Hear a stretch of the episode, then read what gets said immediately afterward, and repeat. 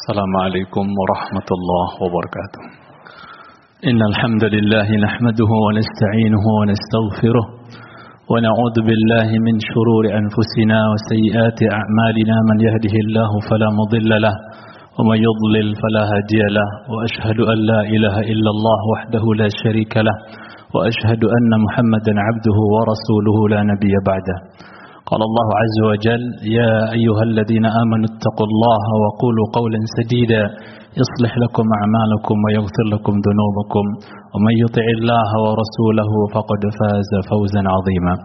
أما بعد فإن أصدق الحديث كتاب الله وخير الهدي هدي محمد صلى الله عليه وسلم وشر الأمور محدثاتها فإن كل محدثة بدعة وكل بدعة ضلالة وكل ضلالة في النار. أما بعد Sidang Idul Jumat yang khatib cintai karena Allah Tabaraka wa Ta'ala. Kita lanjutkan dengan sosok berikutnya Dari sosok-sosok hamba Allah Subhanahu wa Ta'ala Yang memiliki hati yang bersih. Sosok berikutnya yang dibawakan oleh penulis Atau oleh syekh di sini adalah Sosok seorang tabi'in yang dikatakan tabi'in terbaik yaitu Uwais ibn Amir Al-Qarani ya rahimahullahu taala. Dibawakan dalam hadis Al-Bukhari ya qala Umar ibn Al-Khattab radhiyallahu taala anhu telah berkata Umar ibn Al-Khattab radhiyallahu taala anhu li Uwais ibn Amir kepada Uwais ibn Amir Al-Qarani. Qaran satu suku yang berada di Yaman sana. Berarti tabi'in ini berasal dari Yaman.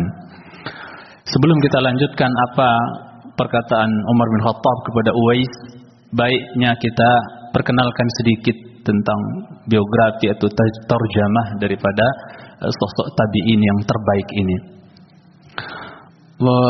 Uwais bin Amir Al-Qarani sidang Idul Jumat yang hati cintai karena Allah Azza wa Jalla hidup di zaman Rasul alaihi salatu wassalam. Tapi qadarullah beliau belum sempat bertemu langsung dengan Rasul sallallahu alaihi wasallam. Satu karena jarak yang jauh.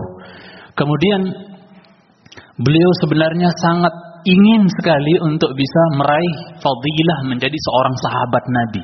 Karena sahabat itu adalah yang pernah bertemu dengan Rasul, ngelihat Rasul, lalu sebentar, kemudian diberi iman kepada beliau, apa yang beliau bawa, kemudian mati di atas keimanan tersebut. Ya, dan beliau sangat menginginkan untuk bisa menjadi sahabat Rasul Sallallahu Alaihi Wasallam. Ya, dan ibunya bisa saja dia menyewa orang mungkin untuk menggantikan posisi Uwais ibn Amir al-Qarani karena beliau terhalang untuk meraih keutamaan jadi seorang sahabat. Ya sahabat Nabi Shallallahu Alaihi Wasallam untuk hijrah ke Madinah sebagaimana berhijrah teman-temannya yang lain. Beliau tinggalkan ya hijrah ya ke Madinah untuk meraih keutamaan menjadi seorang sahabat Nabi dengan bertemu dengan Nabi beriman dengan Nabi Shallallahu Alaihi Wasallam. Beliau korbankan semuanya demi ibundanya. Ya karena ibundanya ingin yang selalu berkhidmat untuk dirinya setiap hari ingin kalau yang dia lihat setiap bangun tiap harinya yang dia lihat pertama adalah anaknya. Saking sayangnya ibundanya kepada Uwais ibn Amir al-Qarani. Dia yang berkeinginan dia berkeinginan agar yang setiap hari berkhidmat menolong membantu berbakti dan seterusnya kepada ibunya adalah anaknya sendiri. Enggak digantikan oleh pembantu oleh orang lain dan seterusnya. Padahal ibunya kalau mau bisa menyewa orang. Subhanallah tapi dia ingin anaknya ya apa yang membantu dia yang berkhidmat untuk dia. Seolah-olah ya ibunya berkata aku bukakan untukmu pintu surga wahai anakku. Berkhidmat engkau untukku maka terbuka pintu surga untukmu. Subhanallah. Akhirnya apa? Beliau mengorbankan ya keutamaan jadi seorang sahabat demi berkhidmat untuk ibunya. Teman-temannya berbondong-bondong datang ke Madinah untuk jadi sahabat Nabi. Ya berjuang membela Nabi sallallahu alaihi wasallam. Beliau berkhidmat dan berjihad ya di sisi ibunya. Berkhidmat membantu berbakti kepada ibundanya. Sidang Idul Jumat yang khatib cintai karena Allah azza wajalla di dalam hadis sahih Muslim Nabi kita alaihi salatu wassalam tegaskan ya khairut tabi'in rajulun yuqalu lahu Uwais walahu ummun ay walahu walidatun huwa biha barun kata Nabi sallallahu alaihi wasallam ya bahwasanya sebaik-baik tabi'in Ya, yang datang setelah sahabat sebaik-baik tabi'in itu adalah seorang laki-laki yang disebut atau dinamakan dengan Uwais bin Amir Al-Qarani.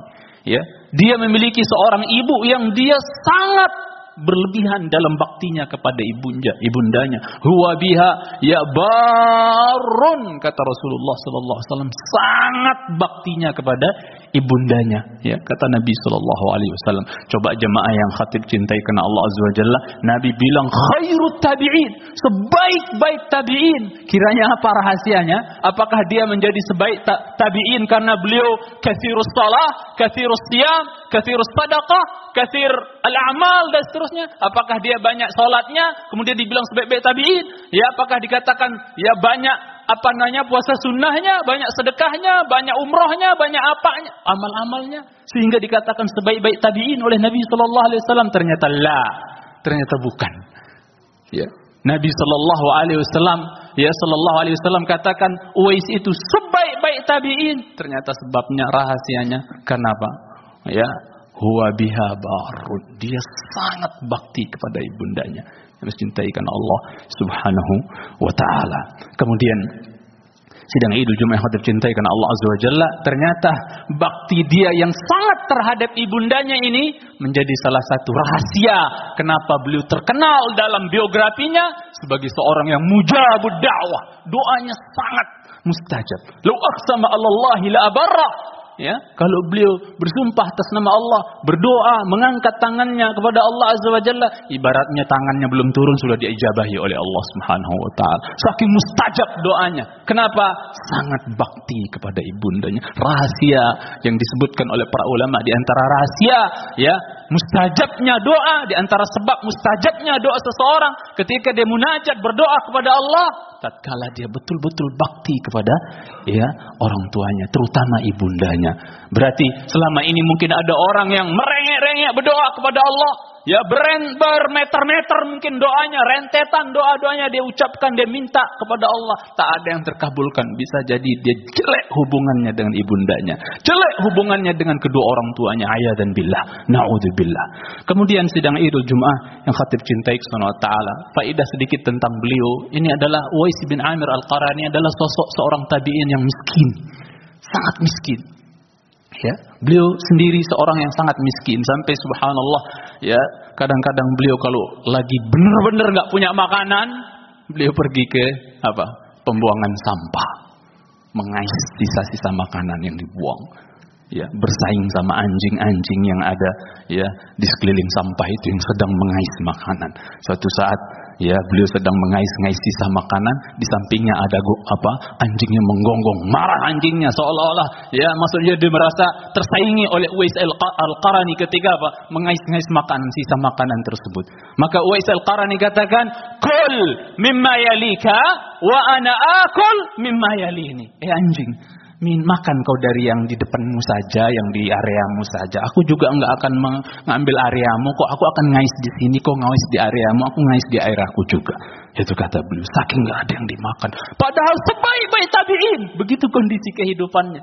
Subhanallah. Padahal kalau dia mau, ya, terhamparkan di hadapan dia, ya, hamparan emas dan perak mungkin. Begitu diangkat tangannya, Allah akan kabulkan. Tapi dia enggak pilih itu.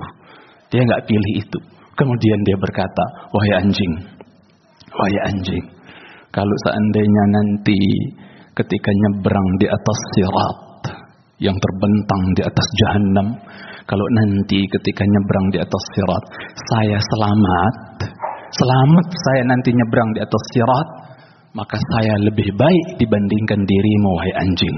Tapi kalau seandainya saya tidak selamat ketika nyebrang di atas sirat, maka engkau wahai anjing lebih baik dibandingkan saya, kata Uwais ibn Amir Al-Qarani.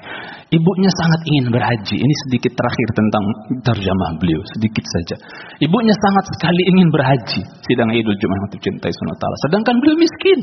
Ya, Uwais bin Amir Al-Qarani ya sangat miskin, gak punya apa-apa. Maka jadi pikiran dia gimana ibu saya bisa berangkat haji padahal saya nggak punya apa-apa, nggak punya kendaraan dan seterusnya.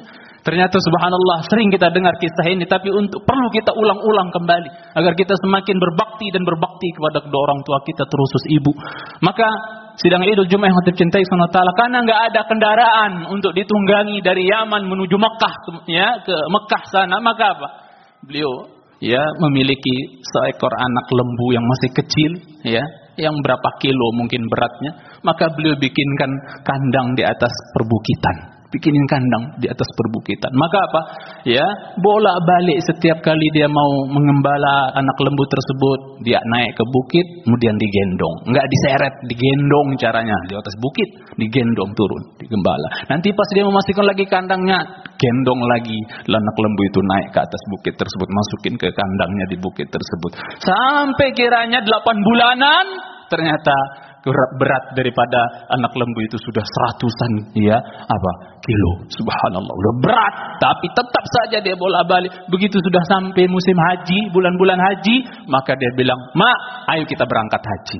Bingung emaknya ibunya mana kendaraannya nak? Ternyata badannya Waisi bin Amir Al-Qarani sudah berotot dengan dia bola balik naik bukit untuk apa? Dengan menggendong apa? Menggendong anak lembu tersebut sehingga dia sudah siap untuk menjadi sekuat-kuat kendaraan buat ibunya untuk dia gendong berhaji ke Mekah. Berangkatlah. Ayo mak, ini kendaraannya saya. Berangkat. Subhanallah, bayangkan. Dari Yaman menuju Mekah. Ya, digendong ibunya. Subhanallah. Di saat sebagian anak hanya untuk menuntun ibunya pipis ke kamar mandi yang depan matanya. Berat. Jorok katanya dan seterusnya. Mimik-mimik yang naudzubillah menunjukkan kedurhakaan. Padahal Allah mengatakan la taqul lahum uff. Jangan kau katakan kepada kedua orang tuamu yang lansia itu uff. Tahu kita sebagian ulama mengatakan uff itu maknanya adalah ketika ada bau kotoran mak ibu kita atau bapak kita yang sudah lansia nggak bisa ngapain ngapa-ngapain kecium sedikit nggak boleh bilang uff uff maknanya apa bau durhaka kata Allah Subhanahu wa taala. Bagaimana membantah mereka, menyakiti hati mereka dan seterusnya. Ayat dan billah itu sudah durhaka kelas kakap waliyad billah sedang hidup jemaah itu cinta taala. Digendong ibunya tawaf di Ka'bah. Digendong ibunya tawaf di Ka'bah. Ya. Kemudian yang terdengar dari lisan Uwais bin Amir Al-Qarani cuman apa? Ya Allah, ampuni semua dosa ibu-ibuku. Enggak ada doa yang sekali. Doanya cuma satu. Ya Allah, ampuni dosa-dosa ibuku. Ya Allah, ampuni dosa-dosa ibuku. Lah ibunya heran. Kapan kau doakan dirimu nak? Kok yang didoain sama ibu saja? Ya, Emang kamu nggak punya dosa apa sehingga kau nggak minta ampun untuk dirimu sendiri? Kok ibu terus yang dimintakan ampun atas dosa-dosa ibu? Maka apa kata Wais Al-Qarani? Ya, karena kalau saya meminta akan ampun untuk ibu, kemudian ibu ridha kepada saya, cukup ridhamu wahai ibuku untuk jadi modal aku masuk ke dalam surga Allah Azza wa Jalla. Yang penting ibu ridha dengan saya, ya. Walaupun saya nggak berdoa doa untuk diri saya pribadi, yang penting ibu ridha terhadap saya, maka itu sudah menjadi modal saya untuk masuk ke surga Allah Subhanahu wa taala. Ridha di ridhal walidain wa sukhtullah fi sukhtil walidain. Ridha Allah ada di ridhonya kedua orang tua. Murka Allah sebaliknya berada di kemurkaan kedua orang tua. Maka kita mari berusaha mencari keridhaan kedua orang tua kita terutama ibu kita dan jangan bikin mereka murka terhadap kita. Aku qouli hadza wa astaghfirullah li wa lakum wa lisairil muslimin wal muslimat min kulli dhanbin wa khati'ah fastaghfiruhu innahu huwal ghafurur rahim. Alhamdulillah wassalatu wassalamu ala Rasulillah wa ala alihi wa sahbihi wa man ihtada bihaddihi wastanna bi sunnatih waqtafa atharahu wa sunnatahu ila yaumiddin amma ba'd. Sidang Idul Jumat yang khatib cintai karena Allah tabaraka wa taala. Umar bin Khattab setiap tahun dari sejak meninggalnya atau wafatnya Rasulullah sallallahu alaihi wasallam ya yang dia pernah mendengar Rasul sebelum wafatnya dengan dikatakan nanti kalau datang seorang laki-laki dari ya Qaran sana dari Yaman sana namanya Uwais ya Al-Qarani bin Amir Al-Qarani mintalah engkau doa kepada dirinya. Karena dia mustajab doanya. Minta kau doa kepada dia wahai Umar ya kata Rasulullah sallallahu alaihi wasallam. Dan terus terngiang-ngiang ucapan Rasul tersebut ya pada diri Umar radhiyallahu taala anhu ardah. Makanya setiap ya musim haji datang, beliau selalu apa? Cari repot, ya. Di zaman ya Abu Bakar radhiyallahu taala anhu ditanya sampai di zaman beliau jadi khalifah ditanya Ada orang namanya Uwais al, qarani ya dari Yaman, ada bersama rombongan kalian kalau ada orang datang dari Yaman berhaji. Ada orang namanya Uwais bin Amir al-Qarani terus setiap tahun ditanya-tanya sampai datang satu masa ya satu tahun di mana datang rombongan dari Yaman dari suku Qaran ya jemaah haji dari suku Qaran dari Yaman kemudian ditanya apakah di tengah-tengah kalian ada seorang laki namanya ya Uwais bin Amir al-Qarani ternyata ada orangnya. Ternyata apa kerjaannya? Ngurus-ngurus empan onta ya. Ibaratnya kalau sekarang mungkin nyuci piring di belakang ibaratnya kerjaannya itu orang yang layu bahubeh layu bahubeh nggak dikenal. Makanya orang-orang yang dari Yaman tuh heran kok khalifah cari orang yang di, tengah-tengah kita nggak dikenal gitu nggak dianggap ibaratnya. Jadi orang-orang yang bantulah di belakang itu subhanallah. Padahal Nabi bilang sebaik-baik tabi'in ya. Kok Amirul Mukminin Umar bin Khattab cari dia ada apa dengan dia Ternyata ketika didatangkan, ada riwayat mengatakan Umar yang datangi langsung orangnya, ya. Ada yang mengatakan Uwaisnya yang didatangkan. Ya. Kemudian setelah dipastikan bahwa memang dia adalah Uwais dan mengaku bahwasanya iya saya Uwais Al-Qarani, maka udullah ali, istighfir, istighfir dikatakan dalam hadis Bukhari istighfirli. Wahai Uwais, mintakan ampun kepada diriku. Ya, doakan untukku ampunan wahai Uwais. Maka dia katakan, "Adu'ulak wa anta sahibu Rasulillah sallallahu alaihi wasallam." Lah, gimana mungkin ya Amirul Mukminin? Aku berdoa untuk dirimu, selevel dirimu, sesoleh dirimu, sealim dirimu, kau sahabat Nabi, ya. Untuk orang seperti engkau, orang-orang rendahan kayak saya ini harus berdoa, ya, memohonkan ampun. Enggak, doakan saya. Rasul bilang dulu begini-begini tentang dirimu, doakan saya. Akhirnya didoakan oleh ya Uwais ibn Amir al-Qarani, Umar bin Khattab didoakan, fastaghfaralah. Maka Uwais bin Amir al-Qarani doakan untuk Umar bin Khattab radhiyallahu taala anhu. Faqala lahu Umar, maka Umar menawarkan sesuatu. Apa katanya? Aina turid? Setelah kau pulang haji nanti mau kau ke mana? Kamu mau ke mana? Dikatakan, ya, qala al-Kufah. Saya bermaksud untuk apa menuju ke Kufah kata dia. Saya mau bermaksud datang ke Kufah. Qala ala laka ila amiliha?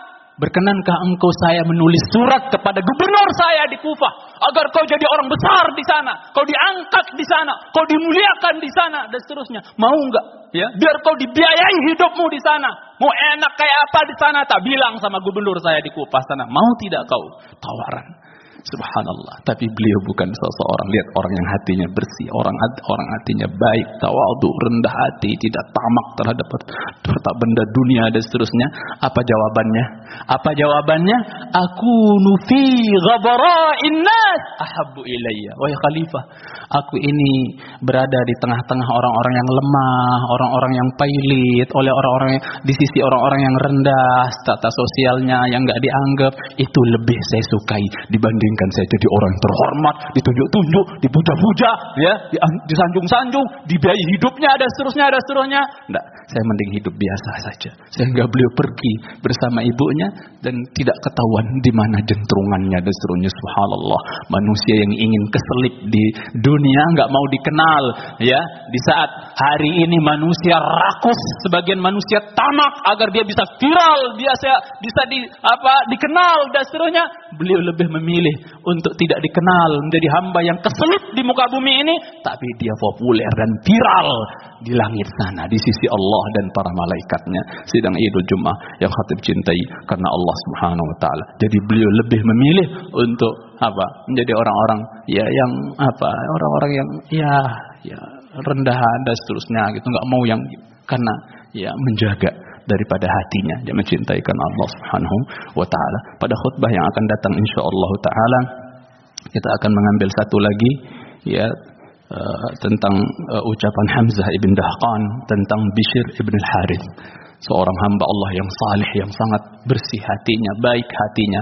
Insyaallah akan menjadi pembahasan terakhir tentang contoh-contoh sosok seseorang yang memiliki hati yang ya baik, yang bersih. Kemudian nanti kita akan lanjutkan tentang nasihat-nasihat agar bagaimana caranya hati kita ini tidak menjadi kotor tapi menjadi hati yang bersih. Nanti kita akan jelaskan jangan banyak tertawa ya. Kalau berdoa kepada Allah hadirkan hati ya kemudian hal-hal yang lain insyaallah taala memberikan makan orang miskin, musat pala anak yatim dan seterusnya. Kalau kita berdosa kita taubat, banyakin istighfar dan seterusnya, itu akan menjadi pembahasan kita ziarah kubur dan yang lainnya itu semua pelembut hati insyaallah taala kita akan bahas di khutbah-khutbah kita yang akan datang. Ini aja yang bisa khatib sampaikan. Mudah-mudahan bermanfaat untuk bermanfaat, bermanfaat untuk khatib dan kita semua. Allahumma salli ala Muhammad wa ala ali Muhammad kama sallaita ala Ibrahim wa ala ali Ibrahim innaka Hamidum Majid wa barik ala Muhammad wa ala ali Muhammad kama barakta ala Ibrahim wa ala ali Ibrahim fil alamin إنك حميد مجيد. اللهم اغفر للمسلمين والمسلمات والمؤمنين والمؤمنات الأحياء منهم والأموات. اللهم يا مقلب القلوب ثبت قلوبنا على دينك. اللهم يا مصرف القلوب صرف قلوبنا على طاعتك. اللهم أعنا على ذكرك وشكرك وحسن عبادتك. ربنا ظلمنا أنفسنا وإن لم تغفر لنا وترحمنا لنكونن من الخاسرين. ربنا آتنا في الدنيا حسنة وفي الآخرة حسنة. وقنا عذاب النار وصلى الله على محمد وعلى آله وصحبه وبارك وسلم. وآخر دعوانا wa sallallahu ala Muhammad wa ala alihi